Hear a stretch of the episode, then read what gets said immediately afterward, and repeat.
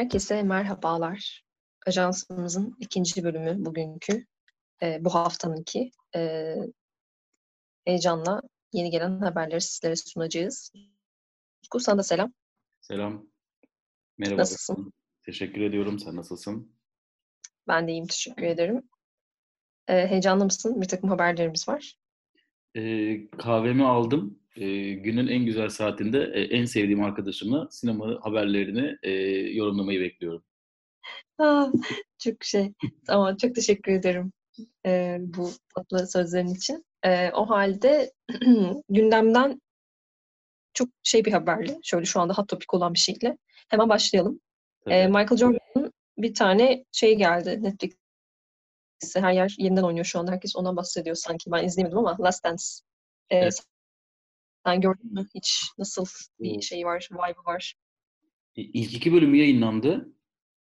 E, maalesef ki Netflix'i hani biliyorsunuz her sezon sezon yayınlıyor ya dizilerini. E, Evet. Bu ortaklı bir yapım olduğu için ilk iki hafta iki bölüm çıktı ve anladığım kadarıyla ikişer bölüm ikişer bölüm çıkacaklar. E, ikinci bölümün sonunda şunu söylerken buldum kendimi. Yani Netflix Allah seni kahretmesin. İlk kez bir diziyi böyle çıkıyorsun onda da bunu mu buldun diye düşündüm. Çünkü gerçekten tam bir gecede bitirmelik e, Aa, bir belgesel. Bayıldım. Yani gerçek anlamda bayıldım. Bu kadar iddialı olacağım. Bu kadar iyi çıkacağını beklemiyordum. E, çok beklenti çok yüksekti. E, bence o yüksek beklentinin daha üstünde. Şöyle söyleyeyim yani bazı e, bölümlerde dizile ilk iki bölümünün bazı yerlerinde kendimi Uncut James'in o son 10-15 dakikalık temposu var ya acayip bir tempo. Ya, o temponun içerisindeymiş e, gibi hissettim. E, wow. o yüzden hani şey e, çok e, memnunum açıkçası ilk iki bölüm özelinde. E, ama bir yandan da şunu merak ediyorum yani çok geniş bir konu işlemiyorlar. Nasıl bağlanacak buradan? Nereye gidecek? Ee, yani ne kadar tutabilecekler bu şeyi, tempoyu bu şekilde? Ee, enteresan ama hani Michael Jordan'ın o hani o o ya hani e, spor tarihinin tanrısı gibi e, Hı görülen hı. e, tüm zamanların en iyisi denen e, bu ismin e, adına hani yaraşır e, görkemde bir belgesel olacakmış gibi duruyor. İlk iki bölüm itibariyle gerçekten çok yükseğim diziye karşı. Sosyal medyada gördüğüm kadarıyla da ben bu arada inanılmaz bir dalga var. E, herkes çok e, diziyi konuşuyor. Bekleniyordu da zaten.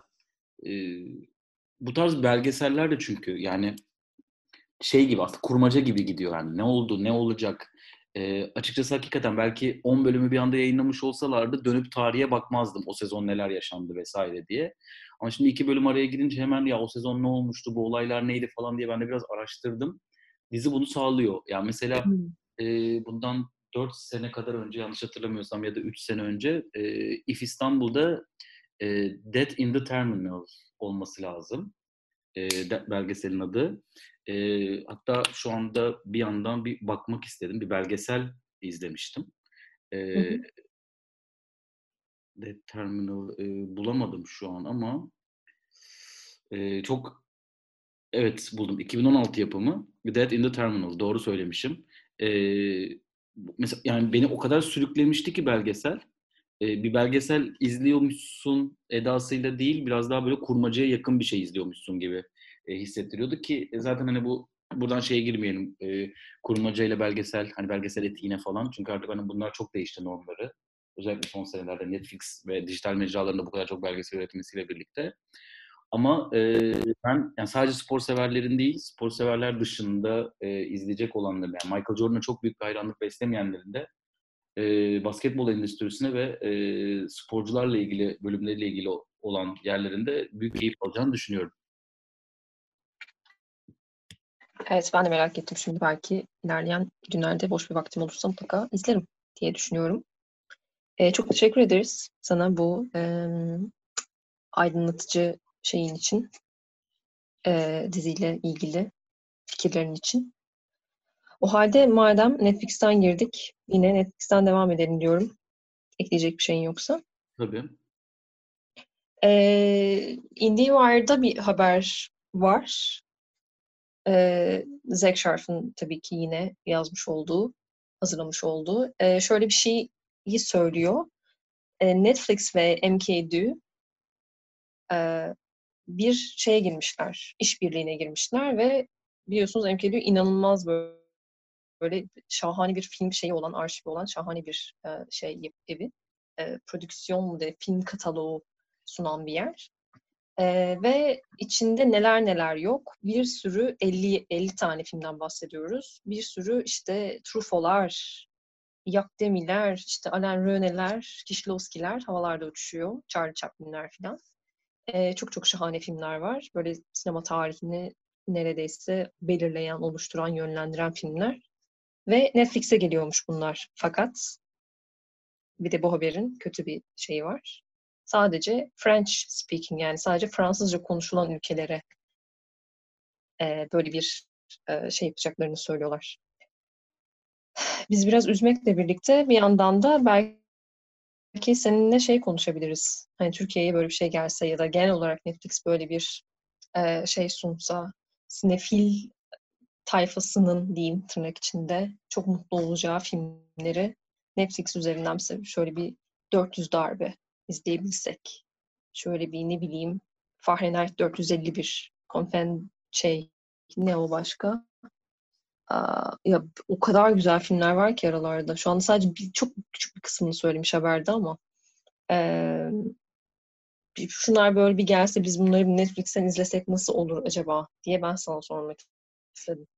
Ee, ya bu arada gerçekten e, The Last Metro, The Woman Next Door, Two English Girls, e, Shoot the Piano Player, Juliet Jim baya baya iyi bir arşivden bahsediliyor. Yani Steve McQueen, Javier Dolan, Haneke, Kusturica, Lynch, Chaplin yani çok acayip bir seçkiden bahsediliyor. Ben şunu söyleyeyim, bir şu anda bu sadece Fransızca konuşulan bölgelerde yapılan bir anlaşma olsa da ben bunun dünya geneline yayınlan, yayılacağını düşünüyorum bir süre sonra. Çünkü e, şöyle bir durum var. E, Netflix'in elinden e, bazı diziler ve filmler birer birer kayıyor. E, çünkü herkes kendi streaming platformunu açıyor. Ve Netflix'te bir atak yapmak istiyor. E, özellikle her ne kadar e, şu anda ana akım dijital mecralar arasında ön planda olsa da sinefil kitlenin Mubi'ne, e, Türkiye'de özellikle Mubi, dünya genelinde de Criterion Channel gibi artık yavaş yavaş biraz daha hizmetlerini arttıran platformlara e, aşina olduğu kesin. Bence Netflix çok acayip bir e, kitle yaratabilir bundan. Bence bunun farkındalar da bu katalogla birlikte. E, yani buradan Netflix Türkiye'ye söyleyeyim. E, bu ülkede de Fransızca bilen çok fazla insan var. E, burada da açabilirsiniz bunları. E, ama şaka bir yana bence e, Netflix'in yapacağı böyle bir atak çok akıllıca bir hamle olur. İnanılmaz akıllıca bir hamle olur.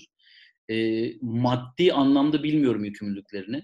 Yani sonuçta Mubi gösterebiliyorsa Netflix bunu hayli hayli alabilir. E, yapacağı en akıllı maddi yatırımlardan biri olabilir diye düşünüyorum. E, bizim için de yani bu, bu baş yapıtları, bu klasikleri e, istediğimiz zaman ulaşabilmek bence çok değerli. Buradaki filmlerin birçoğu şimdi böyle bir yandan gözüm DVD arşivime takılıyor. Hakikaten bir an kendimle mutlu oldum. Yani çoğu var evde baktığım zaman DVD'de. Ee, ama yani bunu gerçekten böyle çok kolay bir tuşla evinde istediğin yerden ulaşabileceğin e, çünkü bazı yani atıyorum mesela ben e, Juliet, Jim izlemek isterim böyle bir anda böyle oturduğum yerde. O, biraz bu Netflix gibi mecraların bize sağladığı böyle bir şey var yani. Gezerken bir anda of ya hadi canım bunu izlemek. Atıyorum Titanic'i baştan izliyorsun gibi. Buradaki filmleri baştan izlemek, e, tekrar tekrar izlemek, üzerine düşünmekte bir fırsat veriyor. Bu kolaycılığa alıştık e, ne bileyim olsun ya bunlar olsun asıl. Çok çok çok heyecanlandırıyor bu beni yani. E, burada tabii yok Truffaut var, Chaplin var ama Godard da olsun, Herzog da olsun, e, Haneke de olsun. E, ya aslında bu Netflix'in gerçekten buna yatırım yapması gerekiyor. Çünkü başka bir alanda rakipleri çok artarken burada yapacağı bir yatırımın bence e, karşılığı çok çok büyük, olacaktır. Evet biz bu birkaç ay öncesinde sanki bunları zaten biraz bekliyor gibiydik işte Disney Plus'lar işte böyle bir anda girince devreye işte ne yapacak Netflix? Netflix çökecek mi? Çünkü diğer şeylerde, platformlarda çok büyük bir güç var aslında. Ee, sahip oldukları yani şeyden önce, online platform olmadan önce sahip oldukları bir e, şey var. Geniş bir koleksiyon var. Onları online'a getirdikleri anda anda Netflix'e çökertecekler gibi görünüyordu. Ve o sıralarda biz işte hatta podcastlerde de konuşuyorduk. Ee, seninle, Güvenç'le işte nasıl dönüşecek Netflix acaba falan diye ve bu böyle bir kafamızın bir tarafında vardı aslında. Acaba Art House'a mı kayacak, ne yapacak falan diye. Hani nasıl kurtarabilir kendisini bu şeyin içinden, dalganın içinden diye. Gerçekten böyle bir şeye doğru kayarsa çok iyi olur. Ki onun sinyallerini yani Netflix bu arada şeyden önce bu kadar büyük bir online platforma dönüşmeden önce zaten geniş bir şey spektrumu olan bir e, skalası olan bir şeydi. E, ne denir? İşte işte şey stream şeyi yapan stream değil de işte DVD ve e, kaset şey e, gönderen bir firmaydı. E, şimdi daha da buna sanki elverişli bir yapısı var. O yüzden neden olmasın? Netflix neden Mubi'ye e, şey olmasın? Hep şey diye konuşuyorduk ya böyle işte Apple, e, HBO Max ve işte Netflix birleşirse belki Disney'e karşı bir şey olabilir falan. Belki de Mubi ile birleşir ilerleyen zamanlarda. Criterion Channel ile birleşir. Öyle bir şeyler olabilir. Ne kadar iyi olur öyle olursa diye kendi içimizden bunları geçiyoruz tabii. Şimdi mesela şeyi düşündüm. Bir yandan sen de anlatırken bunlar olsa ne kadar iyi olur diye. Bir yandan da gözüm hep böyle bir DVD arşivimde. Tahmin edildiği üzere de en çok DVD Alfred Hitchcock'un hem yani yönetmen olarak çok film üretiyor olması hem de benim kendisinin büyük bir hayranı olmam sebebiyle. E, onu düşündüm. Şimdi Alfred Hitchcock mesela şeydi ya e, reklamdan gelme bir yönetmen olduğu için hani hem bu e, Alfred Hitchcock'un bu kadar saygı uzun yıllar saygı görmemesinin en büyük sebebiyken aslında kendisini sektörde öne çıkaran e, yönetmeni yani otörü oyuna dahil eden yönetmen olmak da Alfred Hitchcock'un işiydi ya. Mesela Alfred Hitchcock'un filmlerin fragmanını Alfred Hitchcock kendi sunardı. Şimdi mesela düşünüyorum Alfred Hitchcock yaşıyor olsaydı e, bence mutlaka şu anda filmleri dijital mecralarda boy boy gözükürken e, bu bunu nasıl geliştirebileceği üzerine e, bence fikir üretiyordu ve yorum yapıyordu diye düşünüyorum ama mesela bugün Alfred Hitchcock'un filmlerini izleyebileceğimiz bir online mecra yok benim bildiğim kadarıyla. Yani şeylerde falan var. İşte Apple'daki DVD kiralama falan yerlerinde var ama mesela Netflix'te bir tane Alfred Hitchcock filmi var mı bilmiyorum. Yani Türkiye'de yok en azından öyle söyleyeyim ya da işte Amazon'da yok. Oysa kendi şu an yaşıyor olsaydı ben eminim belki de kendi açmıştı bir tane online mecra. Çünkü yaptığı işleri de biliyoruz Alfred Hitchcock'un Alfred Hitchcock sunarlarını vesaire. Yani Hitchcock Channel görebilirdik diye düşünüyorum. Ama hani bu klasiklere işte sanırım dünya genelinde e, hak ettiği değer verilmiyor ama çok da büyük bir pazarı var. Yani sonuçta mesela Mubi'ye bakıyoruz. Mubi'de bir filmi 30 gün gösteriyor.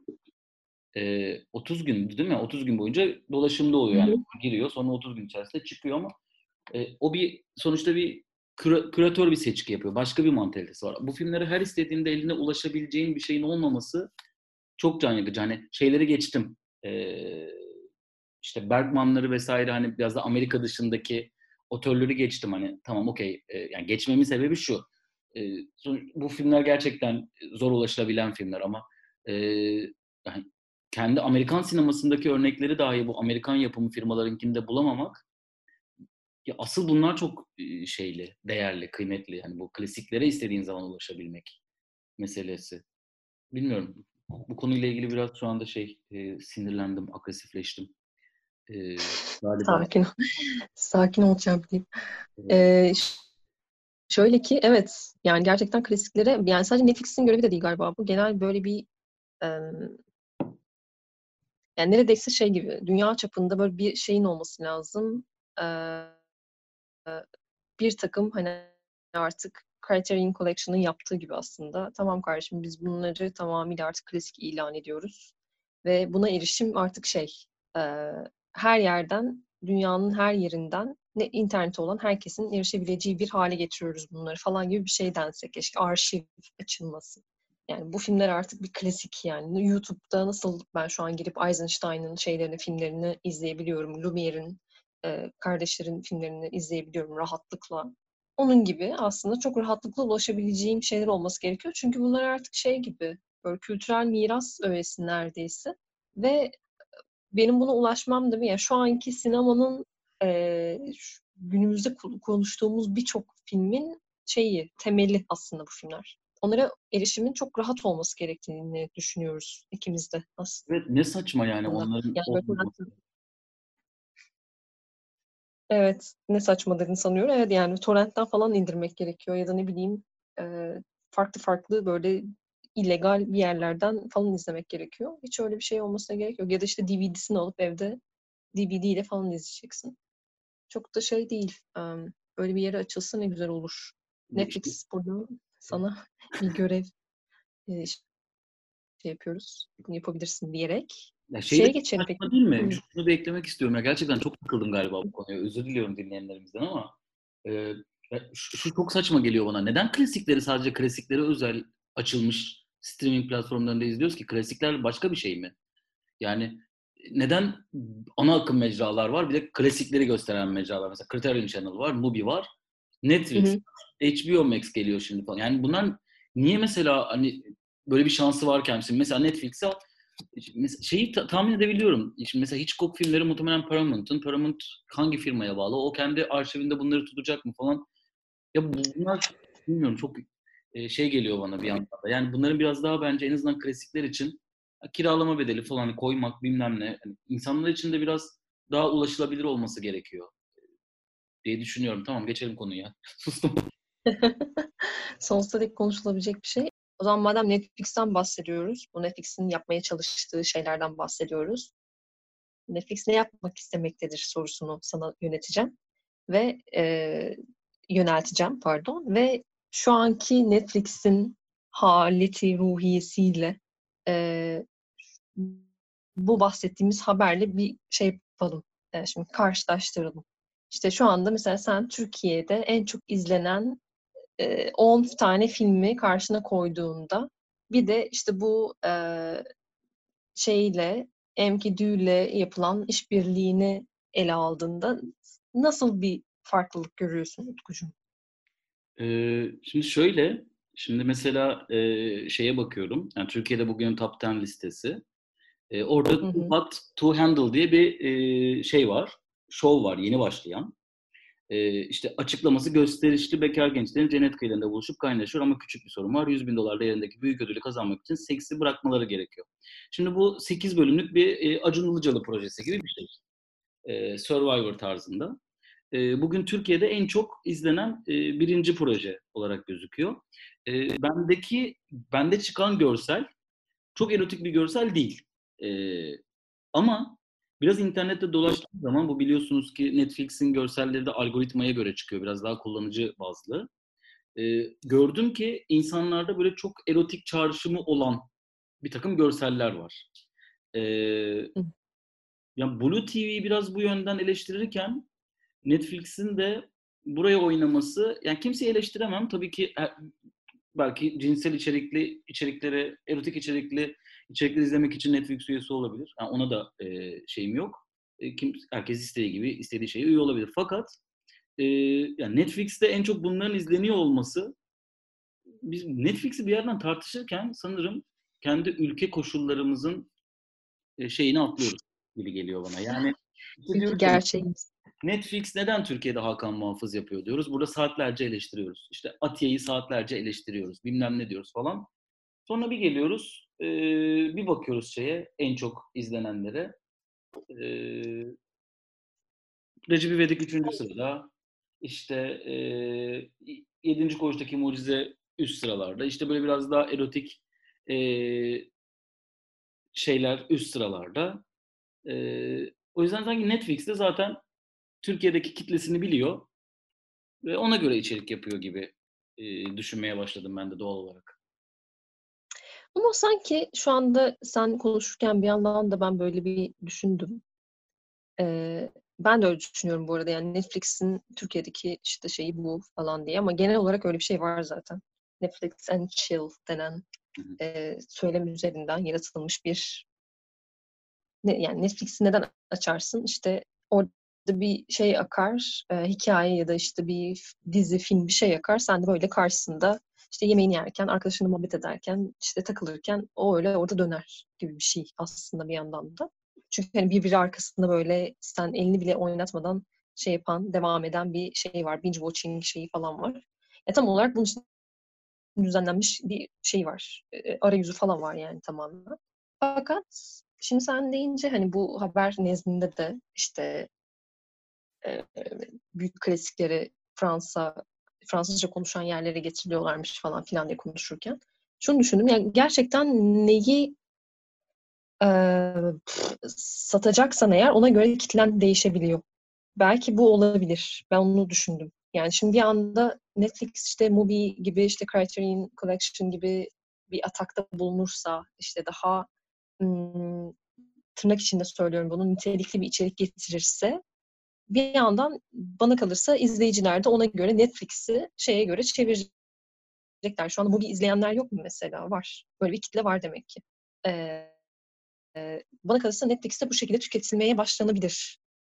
Ya şu anda tabii ki de çok daha popüler ve çok daha fazla sayıda insana ulaşmayı amaçlayan bir platform olduğu için tabii ki de içerikleri de ona göre e, şey değil. E, böyle en çok izlenen içerikleri işte trufolar falan değil. Olamayacak da. Hiçbir zaman bana kalırsa. Ama en azından e, bence birazcık daha Netflix'e bakışımızı değiştirebilir bunu yaparsa.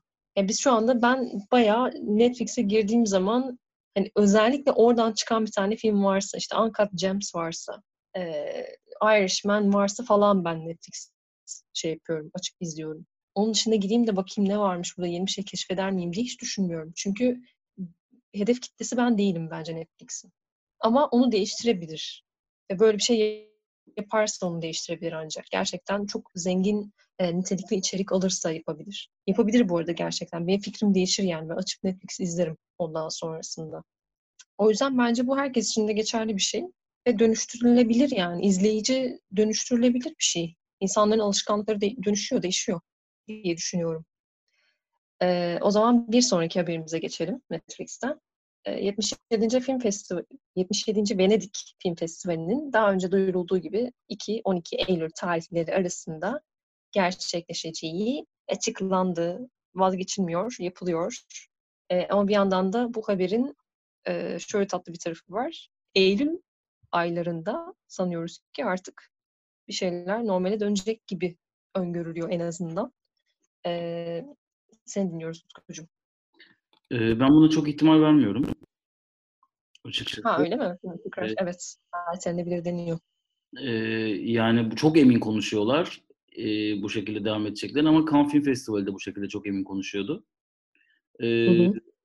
Yani şey e, yapılan açıklamada şöyle yani şey Biennale'in başkanı Roberto e, Bey'in yaptığı açıklamada şöyle bir şey var. Kendisi şey diyor, binlerce sinema salonunun yeni açılmasıyla dikkatli şekilde kontrol edilen 5-6 sinema salonunun tekrar açılması aynı şey değil diyor.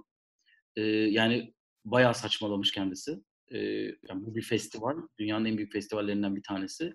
Ve diyor ki evet diyor yabancı basın diyor o kadar gelemeyecek festival ama online buna bir çare bulacağız falan diyor.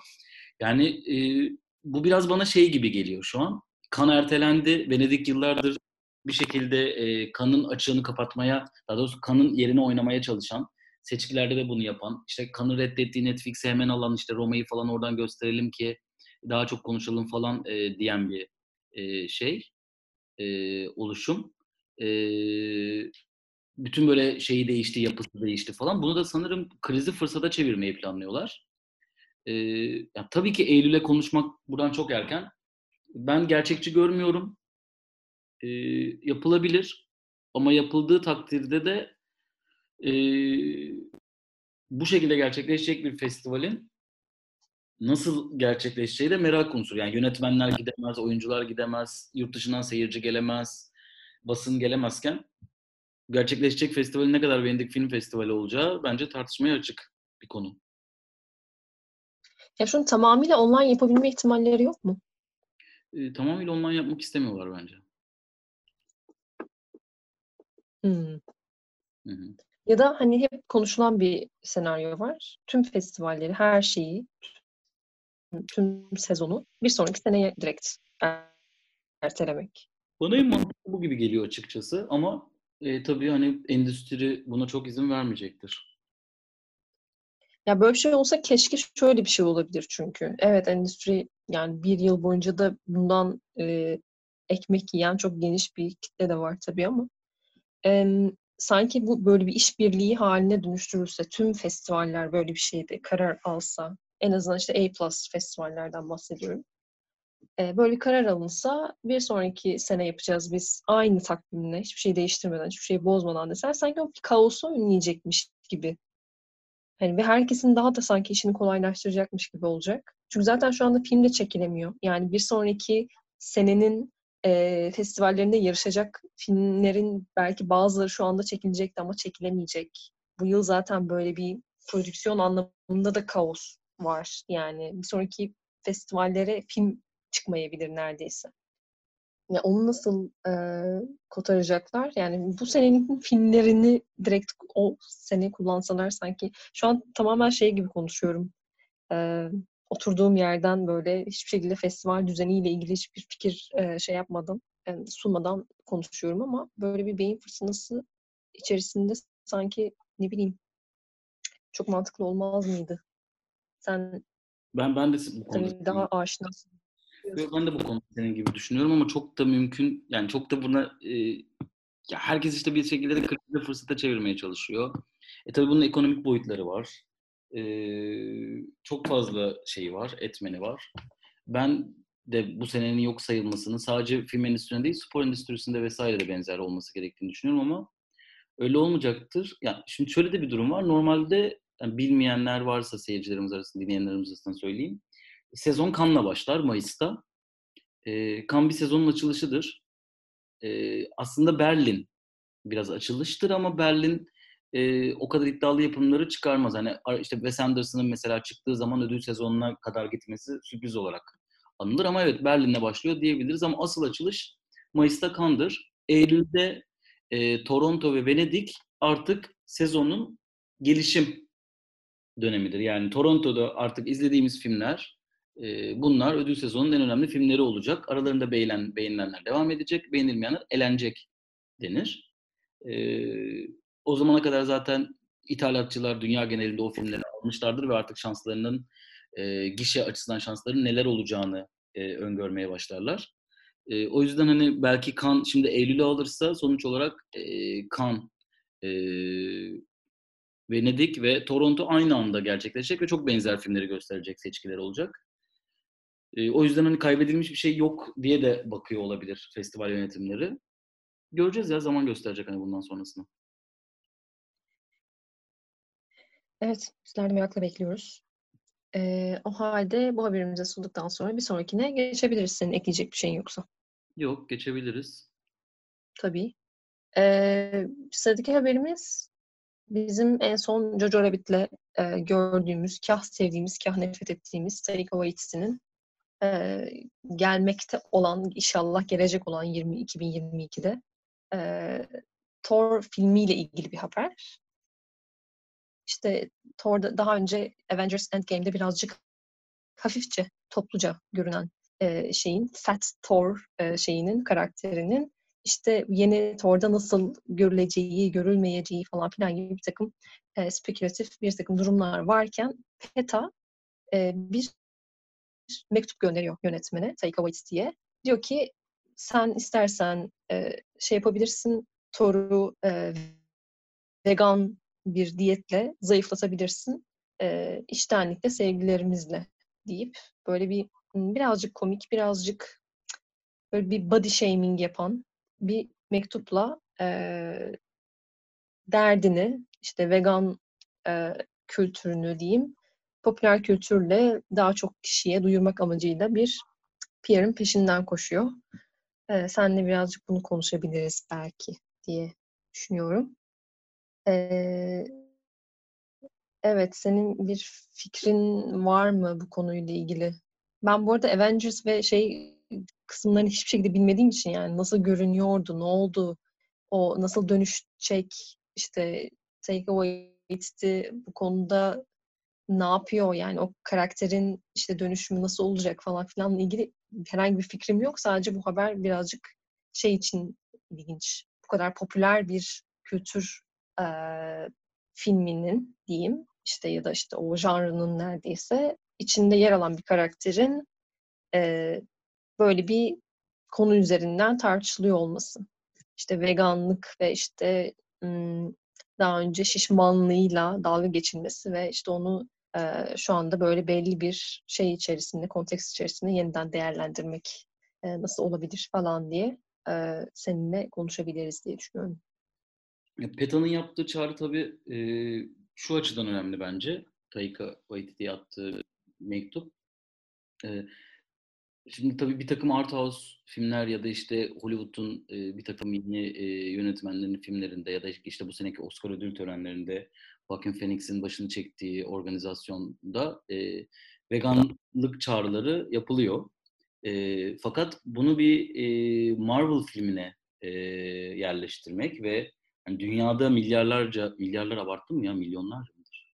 Tabii ki milyarlarca olamaz. E, toparlıyorum. Dünyada yüz binlerce insan tarafından, yok yok milyon milyon, milyar. Şu an çok kafam. Milyon milyar izliyor mudur ya? İzliyor değil mi milyar? Yani en sonunda milyarlara ulaşıyordur bir şekilde ama ilk okay. şeyinden bahsediyorsak. Yani dünya nüfusunun neredeyse tamamına ulaşan filmlerden bahsedecek olursak Marvel filminde böyle bir e, motivasyon olması hem de bir tanrının böyle bir motivasyon olması. Sonuçta Thor bir tanrı. E, bir tanrının böyle bir motivasyonu olması tabii ki bence önemli. E, ama tabii burada biraz bağlam da önemli. E, çünkü e, tabii ki PETA kadar e, ben bu konuya donanımlı yaklaşıp ukalalık yapmayacağım. Fakat e, zaten dünya üzerindeki her şeyle dalga geçme e, hali, e, cehaleten dalga geçme hali, özellikle e, kadın e, ve hayvanlar üzerinde bu kadar yaygınlaşmışken e, ve Marvel'ın hedef kitlesi de biraz daha böyle bakan insanlarken e, sözlerimi çok dikkatli seçmeye çalışıyorum. E, üzerine düşünmedim. Fark etti e, yapılacak olan e, bu tarz bir e, içeriksel değişikliğin e, ciddi anlamda e, doğru düşünülüp, doğru tartışılıp, doğru yazılması gerekiyor. Zorlama olan bir şey burada bir kazanım çıkartırken aksine e, belirli bir kitleyi e, zaten biz insanlara hayvan haklarını anlatmak için bu kadar çalışırken e, antipatik bir şeye dönüşebilir diye düşünüyorum. Yani bunu söylerken e, bana kalırsa hepsini de yapılsın. Yani tüm filmlerde yapalım. Hepsini yapalım. Ama yani bazen belirli bir kitleye bir şey anlatmak çok zor ya. Türkiye'deki aktörleri anlatmak gibi. Sadece aktörler de değil. Herhangi bir herhangi bir şeyi savunan trollere bir şeyler anlatmak çok zor ya. Ee, bu kadar haklı olduğumuz bir konuda, bu kadar haklı bir savaş verdiğimiz konuda e, bizim son ana kadar agresifliğimize devam etmek ama aynı zamanda da kazanabildiğimiz kadar insan kazanmaya çalışmamız gerekiyor. O yüzden e, bir yandan Peto'nun mektubunu çok doğru buluyorum. Ulaşabildiğimiz kadar yönetmene, ulaşabildiğimiz kadar sinemacıya ulaşıp, ulaşabildiğimiz kadar bunları yaygınlaştırıp olabilecek en organik şekilde vermemiz gerekiyor. Ama bir yandan da dediğim gibi yani bunu yaparken gerçekten zemininin çok e, sağlam şekilde kurulmuş olması gerektiğini düşünüyorum. Bilmem e, bu kadar dikkatli konuşmaya çalışırken derdimi anlatabildim mi?